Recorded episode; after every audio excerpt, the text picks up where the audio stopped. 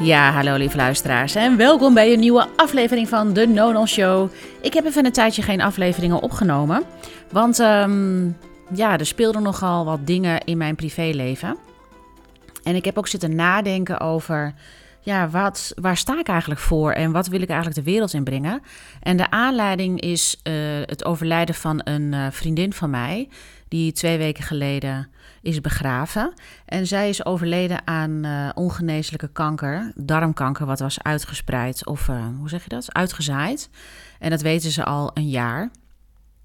En ik weet nog een jaar geleden, toen vertelde ze mij dit. En toen dacht ik echt, huh?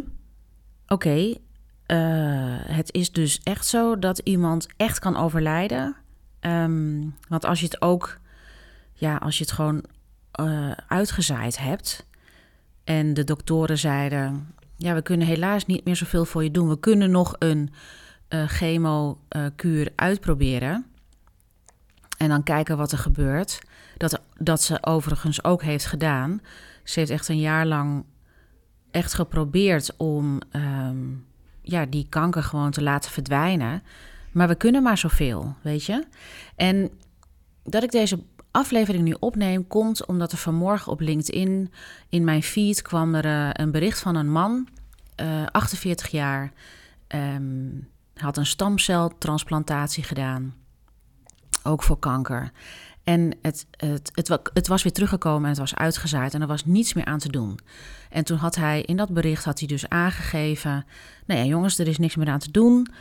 Um, het was een heel luchtige post. En ook telkens met de boodschap: Weet je, maak je niet zo druk om de dingen die heel klein zijn. Ga juist genieten met je dierbaren.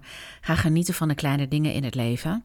En daaronder waren echt duizenden reacties en berichten. En dan kan ik me zo voorstellen dat daar van alles er nog wat tussen zit. Onder andere een bericht uh, van een man die zei: Maar heb je er wel echt alles aan gedaan? Oké, dus iemand die stuurt een bericht. En, en dat was ook nog geëindigd met: Dit is mijn laatste bericht van de komende weken. Ik heb nog een aantal weken te leven. Heel bewust. Dit is mijn laatste bericht. Um, ik wens jullie het allerbeste en, ik, en dit is wat ik jullie graag wil meegeven. En ik ga de komende tijd uh, dus tijd besteden met uh, de laatste tijd die ik heb besteden aan mijn dierbaren. En dan komt er een bericht van een man en die zegt: Heb je er echt alles aan gedaan? Heb je de, uh, ook de alternatieve sector gebruikt? En dat zegt natuurlijk iemand, één, zonder de kennis te hebben van deze persoon. Maar als ik gewoon dieper kijk en ook wat ik, waar ik zelf mee, mee aan het dealen ben. En ik ben iemand die kanker heeft gehad, een dodelijke ziekte. En gelukkig was er voor mij een, een, um, een behandeling. Er was een chemovorm, er waren echt medicijnen die mij hebben geholpen. Oh ja, wacht even, in dat bericht had hij ook nog aangegeven: wees niet zo wantrouwig. En hij gaf dit ook, per se, ook weer aan deze man terug. In het bericht gaf hij met liefde gaf hij terug: wees niet zo wantrouwend. Uh, en, en neem het gewoon aan zoals het is. Vertrouw erop dat ik er alles aan heb gedaan. En dit is iets. De afgelopen weken heb ik echt een beetje zitten worstelen met. Kijk, ik ben coach, ik begeleid mensen. Ik heb zelf kanker gehad. Ik heb zelf een periode meegemaakt na de behandelingen. ik kon dus blijven leven. Ja, en dan komt er dus ook een uitdaging met als je dus blijft leven na kanker, hoe geef je je leven dan betekenis? Hoe geef je het invulling? Omdat heel veel dingen echt gewoon geen zin meer hebben. En dan zeg ik niet van, um, um, ja, hoe moet ik zeggen, de bepaalde dingen zie je echt in een bepaald perspectief. Ik heb ook helemaal niet het gevoel, ik heb nu een bonusleven, dus ik mag echt elke dag op mijn uh, knietjes uh, dankbaar zijn. Dat absoluut niet. Maar ik heb wel altijd een, een over het algemeen een gevoel van dankbaarheid. En um, ja, waar ik, wat ik eigenlijk deze aflevering gewoon met je wil delen, is dit proces wat ik ervaar, wat ik ook om me heen zie. En dat ik gewoon het gevoel heb, of het gevoel, dan komt het meteen zo op het gevoel. Maar wat ik steeds helderder heb, is dat ondanks dat wij in 2022 leven, ondanks dat er zoveel mogelijk is, ondanks dat er zoveel oplossingen zijn, de, we hebben niet alles te controleren. We kunnen niet alles controleren. En dit komt dan op, voor mij op hetzelfde neer als het iemand ooit in de zomer aan me vroeg. Ja, Eva, hoe manage je dan, hoe, hoe ga je er dan mee om als je businessresultaten tegenvallen? Ja, dat is dus dingen in het perspectief plaatsen. Wij denken dat doordat we al zoveel weten, dat, alle oplos dat we alle oplossingen hebben voor alle problemen die er zijn. Terwijl voor bepaalde problemen tussen aanhalingstekens, wat ik helemaal niet meer als een probleem zelf zie.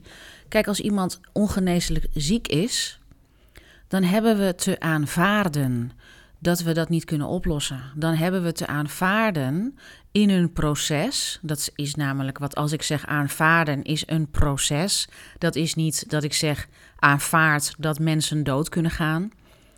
Dan, dan gaat het erover dat je dus dat perspectief tot je gaat nemen, dat je dat gaat zien, dat niet alles op te lossen is. En dat wat ik leerde tien jaar geleden na mijn burn-out, maar ook zeker na kanker, is dat heel veel dingen niet op te lossen zijn. Dus dan gaat het erover hoe kan je aanwezig zijn met dat wat er dus is. Hoe kan je aanwezig zijn met het besef dat, hè, in dit geval is het deze vriendin, Ehm, maar dat kan voor jullie gelden als je luistert voor een willekeurig ander iets waar je geen oplossing voor hebt. En dat je dus machteloosheid ervaart. Gisteren hoorde ik bijvoorbeeld van een klant, ehm, van een coachie, moet ik zeggen. Dat ga ik ook gewoon anders benoemen. Vind ik wat correcter. Van een coachie, we hadden een sessie. Um, waarin haar iets was overkomen waardoor zij ook het vertrouwen had verloren het vertrouwen in mensen had verloren. Ze voelde zich enorm bedrogen en vernederd.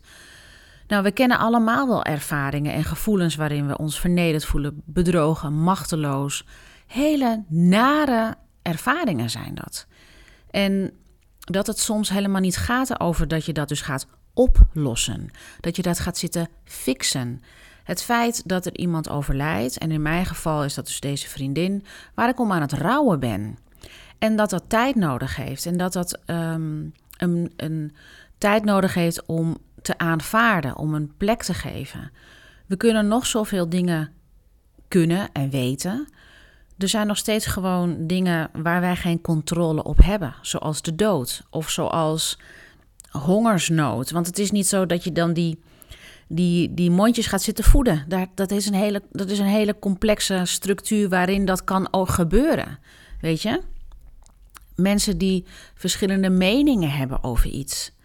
Uh, waardoor een probleem heel lastig wordt om op te lossen, omdat er zoveel verdeeldheid is. En wat mij ook opvalt, um, als dat zoiets wordt gedeeld op LinkedIn van iemand, en, en, deze, en dit is nu de tweede keer dat ik dit zie van iemand in de leeftijdscategorie waar ik ben, net tussen de 40 en de 50 jaar, dus eigenlijk nou ja, boven de 45, kom ik steeds meer mensen tegen die ik niet zelf persoonlijk ken, nou ja, een aantal persoonlijk en een aantal niet persoonlijk, die dus te maken krijgen met ongeneeslijke kanker. Of die te maken krijgen met geneeslijke kanker. En zo is het met heel veel dingen dat we dus genoeg kennis hebben soms om het wel op te lossen, maar dan is het niet dat je zomaar weer doorgaat met het leven. Oh, mijn kanker is opgelost of oh, dit probleem is opgelost. Ik ga weer gewoon door. Nee, in die ervaringen die we voor de kiezen krijgen. En nogmaals, ik zeg altijd: het is een liefdevolle uitnodiging van het leven, van God. Um, vul in wat jij wil, de universe. Ik, voor mij is dat het leven, de intelligentie van het leven. Uh, voor mij is dat God. Um, om te blijven groeien. Om te blijven groeien. Om vrede te kunnen hebben en om helemaal het leven te kunnen omarmen met dood en ziekte daarbij. En ik kom ook steeds meer. ik vind het heel fijn om mensen te begeleiden daarin, bijvoorbeeld in mijn werk, die door een groeiproces heen gaan. Als, dat als, een, als je ondernemer bent of leidinggevende bij een groot bedrijf, waarin je ja, best wel veel te verstouwen hebt. Ehm, ja, dat je dus een bepaalde groei doormaakt, juist omdat het ingewikkeld wordt. Niet omdat het makkelijk wordt. We groeien omdat er pijn is. We groeien omdat er ongemak is. Ik zie dus om me heen ook dat in het proces waarin ik zat na kanker. En het heeft jaren geduurd, hè? want ik was telkens bang dat kanker terug zou komen. Ik dacht niet, oh, nu ben ik er vanaf, nou is het klaar. Nee, het is zo'n impact geweest dat je de dood in de ogen ziet. En dat je denkt, god de godver, ik wil niet dood. Ja, maar je kan iets wel of niet willen. Mijn vriendin wilde ook niet dood. Die was er absoluut niet klaar voor toen ik haar zeven weken voor haar overlijden sprak. Tenminste, wat zij tegen mij vertelde. Ik weet niet of zij echt alles heeft gedeeld daarin. Ehm, want we delen niet echt helemaal alles. Ehm, maar wat ik. We kunnen wel iets willen, maar we hebben niet de controle. We worden geboren en we overlijden. En tussen die periode daarin is het dat wij hier aanwezig zijn. En we kunnen wel zeggen: pak alles wat je aan wil pakken. Maar iedereen heeft zijn eigen weg. Iedereen heeft zijn eigen zielspad. En sommige mensen die uh, plegen zelfmoord. Nou, wat voor zin geeft dat? Dat weten we niet. Er zijn een aantal dingen die we gewoon niet kunnen begrijpen. En dat kunnen aanvaarden, dat is groei ook. Dat is met perspectief kunnen kijken. Dat is dingen kunnen aanvaarden. Dat is niet accepteren en dan zeggen: Dit accepteer het en moi, I don't care. Het is, ja, dit hoort er dus ook bij. En hoe verhoud ik me daartoe? Um, want in coaching of persoonlijke ontwikkeling of spirituele ontwikkeling, ik zie dat mensen het soms echt gebruiken als een nieuwe oplossing. Maar daar is het niet voor. Voor mij is coaching niet om dingen opgelost te krijgen. Er zijn een aantal vaardigheden. Het is hetzelfde. De, voor mij is het een vaardigheid om bijvoorbeeld met al die ongewenste gevoelens om te gaan.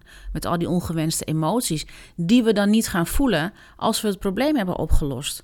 Want hoe kut is het als mensen bijvoorbeeld, hè, in dit geval, iemand heeft kanker, doet er alles aan. Er zijn een aantal methodieken, de doktoren die, zijn, die zeggen: dit kunnen we allemaal doen, en dat het dan toch niet werkt. Ja, dat kan. En dat besef, dat is iets wat we gewoon eigenlijk met z'n allen niet onder ogen willen komen. We streven naar die wetenschappelijke vooruitgang om alles op te lossen. En, en om alles onder controle te krijgen. Niet helemaal, hè. Maar ik denk wel dat het belangrijk is dat we stilstaan bij het feit dat het leven niet maakbaar is. Dat is het gewoon niet. Het leven is niet maakbaar. We kunnen niet alles beïnvloeden. Wat je wel kan beïnvloeden is hoe jij je verhoudt met datgene wat er gebeurt. We kunnen niet voorkomen dat er dingen gebeuren in het leven die kloten zijn. Kijk, ik kan niet voor. Ik, ik weet niet of mijn kind uh, misschien straks op de fiets zit en een ongeluk rijdt overreden door een vrachtwagen. Het is niet dat ik met die angst rondloop. Dat heb ik niet. Maar ik het kan gebeuren. En waarom zou het mij niet gebeuren? En waarom zou het mijn kind niet gebeuren? Al die dingen kunnen ons allemaal overkomen. En we kunnen in angst zitten met, oh, misschien gaat het gebeuren. Ja, dat heeft ook niet zoveel zin, want dan ben je de hele dag in stress.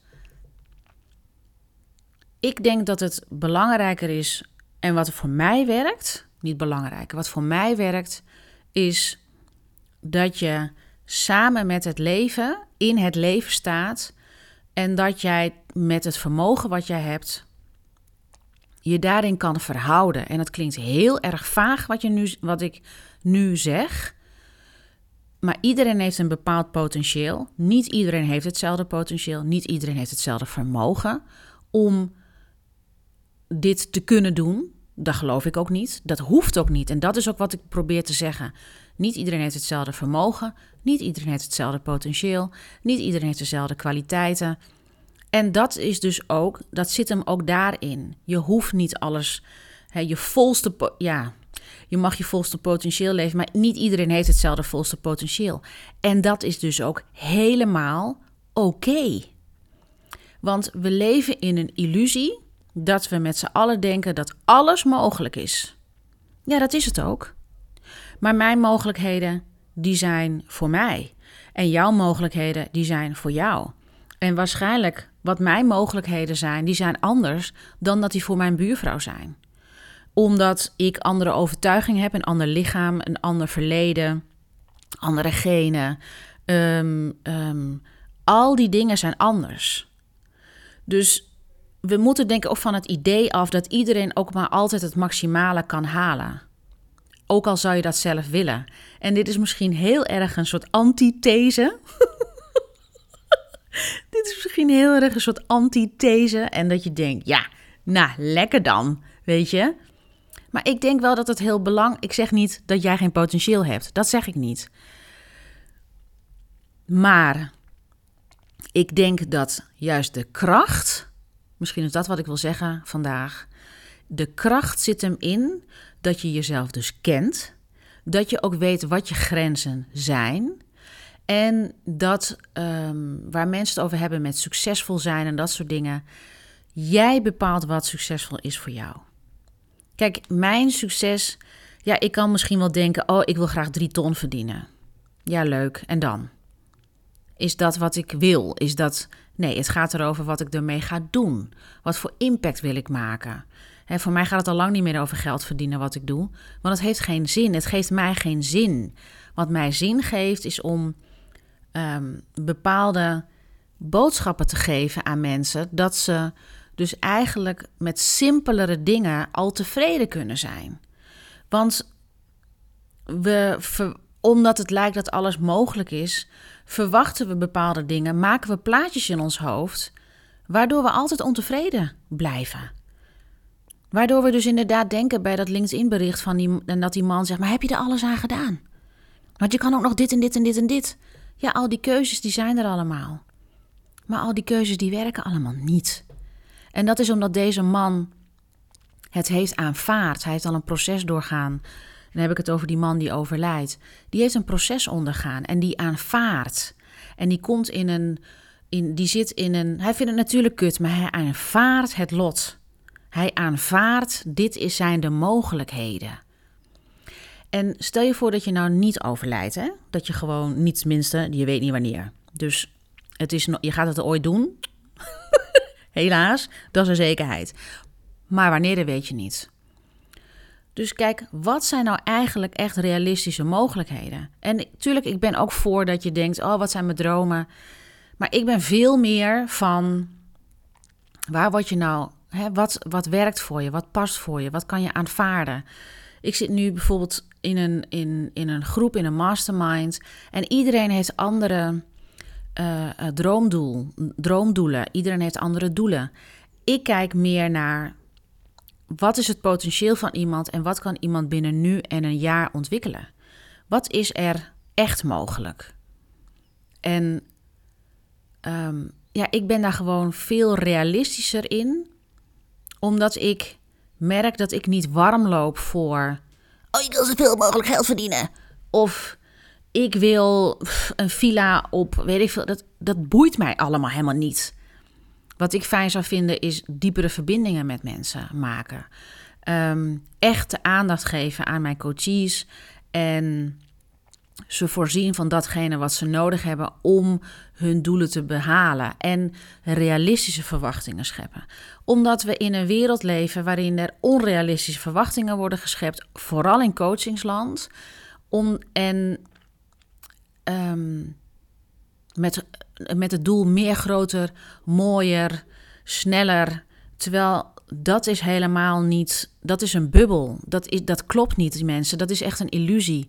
En als je sneller, mooier uh, wil, dan is dat tempo. Dat kan je een bepaalde periode doen, maar niet voor een langere termijn. Ik ben nu 46. Ik heb twee kinderen van 10 en 13. Mijn jongste zoon die heeft aandacht nodig. Die heeft individuele aandacht nodig. Um, uh, mijn, mijn, um, um, mijn vriendin is net overleden. Dat ik denk ja, ik kan wel 100% gaan voor mijn bedrijf en, dat, en daar 100 uren aan besteden. Maar waar mij juist het om gaat, is dat ik voor mezelf de ruimte kan creëren. Dat ik hierover kan rouwen. Dat ik mijn zoon aandacht kan geven.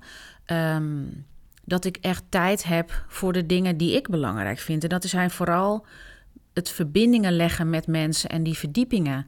Want als ik morgen overlijd, dan weet ik dat ik het kan aanvaarden. Dat is hoe ik leef. Sinds dat ik kanker heb gehad, leef ik met de uh, wetenschap dat het leven eindig is. En dat ik dus met alles wat ik doe, dat ik dat echt doe in lijn met uh, waar ik zelf vervulling uit haal. Gelukkig kan ik niet zeggen, omdat gelukkig voor mij is, uh, dat zijn momenten. Maar ik ben me heel erg bewust van wat ik doe en hoe ik dat doe. En dat is niet het snelle succes. En ik werk ook niet met mensen die graag snel succes willen hebben. Ik werk met ondernemers die herstellen van kanker en een nieuw leven daarna. Hè, ze moeten zichzelf uitvinden. Ik werk met mensen die een burn-out hebben gehad en toch voor datgene gaan um, wat er eigenlijk echt veel meer bij hun past. Los van de verwachtingen en die verwachtingen, dat plaatje wat ze in hun hoofd hadden van zo hoort het. Dat is waar ik mensen bij begeleid in mijn werk, omdat dat mij voldoening geeft. Dat ik daar wat hogere prijzen voor vraag dan misschien de gemiddelde coach. Ja, dat kan, maar je krijgt ook gewoon geen standaard coachprogramma, omdat dat heel erg ontwikkeld is om juist datgene te bieden wat jij nodig hebt.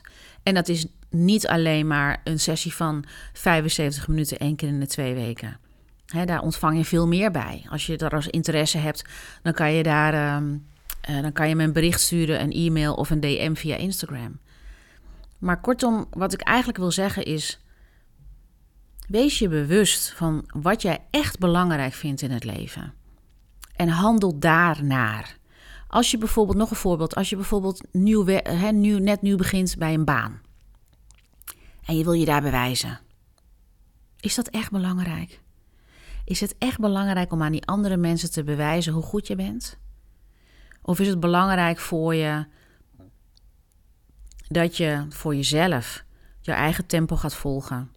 Je echt gaat focussen op inhoudelijk op het werk. Dat je um, duidelijk kan aangeven wat je wel en wat je nog niet kan. En dat je dan na het werk genoeg energie overhoudt om lekker te sporten en misschien je vrienden te zien. We leven in de illusie dat we alles snel moeten kunnen, snel onder de, onder de duim moeten hebben. Dat kan niet. Dingen hebben tijd nodig. Dingen hebben tijd nodig. En perspectief. Ik hoop dat ik wat perspectief geef en ook dat je hier dus over gaat nadenken. dat je stilstaat bij ja, hoe is het eigenlijk voor mij? Hoe doe ik de dingen? Met welke intentie doe ik de dingen? Sta daar eens bij stil. Nou, dit was hem voor vandaag. Dankjewel voor het luisteren en tot de volgende. Doei doei!